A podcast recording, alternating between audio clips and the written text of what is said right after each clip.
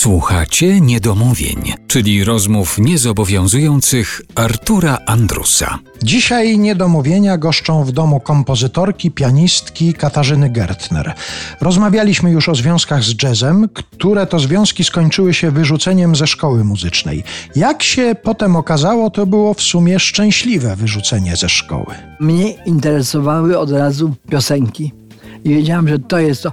Nie można było grać na fortepianie w wynajętych pokojach, więc jeżeli miałam wynajęte mieszkanie, targałam ze sobą Edzia, czyli ten, o co tu stoi w koncertowym fortepianie, to nie było to dla każdego do wytrzymania.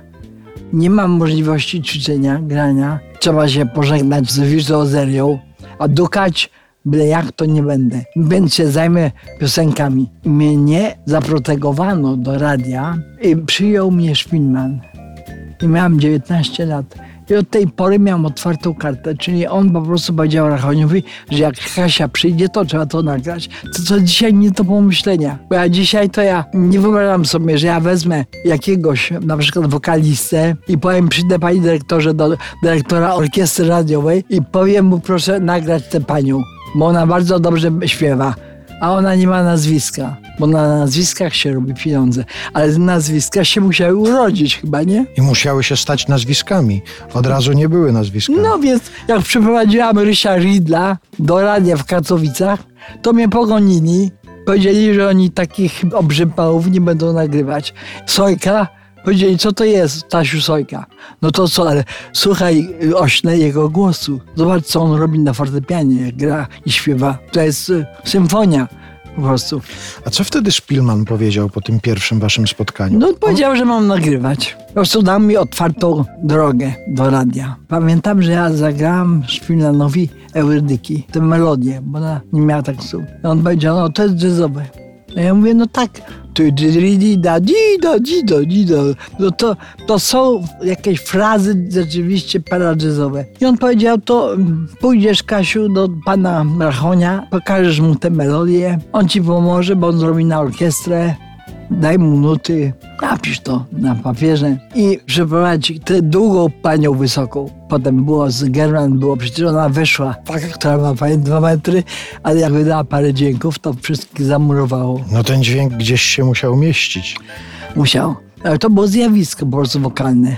Dzisiaj, po tylu latach, Rosja jest, wiemy jaka, ona jest zamknięta, hermetyczna, oni mają swój gust, oni mają swoją część świata, prawda? Ale w Rosji, w rankingu, dzisiaj, w tych czasach, bo to było chyba lata temu, German zwyciężyła jako jedyna wokalistka na świecie, najlepsza. Ona jest bardzo rosyjska, ale ona jest też światowa. Gdyby nie ten wypadek, to kto wie, gdzie ona by była dzisiaj może byłaby w operze. I wtedy ja bym dla niej robiła opery, żeby ona swoim głosem, bo ona była w stanie zastąpić sopran, sopran, a jednocześnie zaśpiewała z trubadurami, którzy grali. To było niby big beat, ale to właściwie już było rockowe. Więc ona była uniwersalna.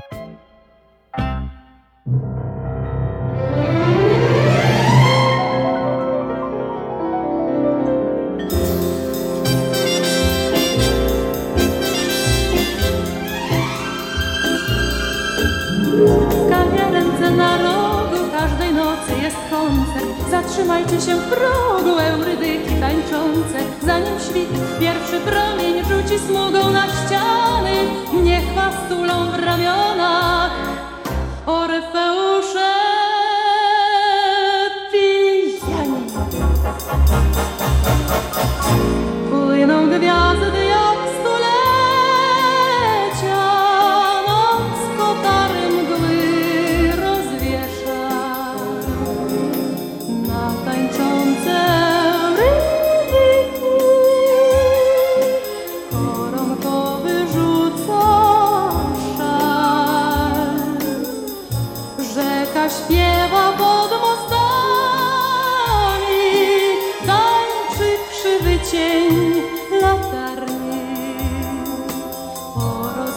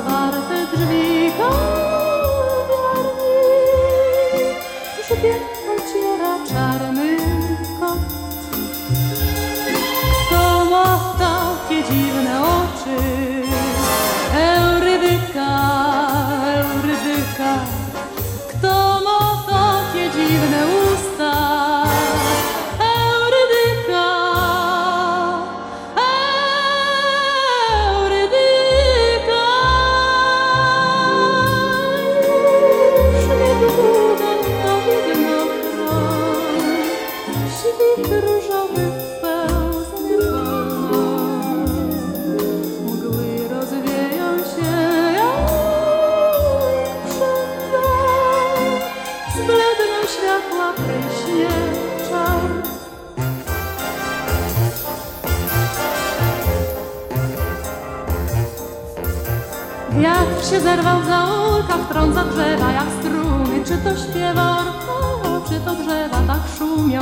Na wystawę drogerii czarny kot cicho wraca, zanim kogut zapieje. Musi wtopić